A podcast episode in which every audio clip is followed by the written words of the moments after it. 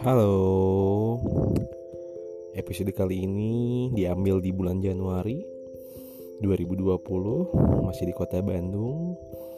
Kota sejuta kenangan Kota paling indah Dengan cuacanya yang sejuk Panas, langitnya biru dan berawan Tapi anginnya enak banget. Malam ini bareng saya Arsal dan juga temen bernama Rahadian kita akan coba mengupas tentang pengalaman saat kita tumbuh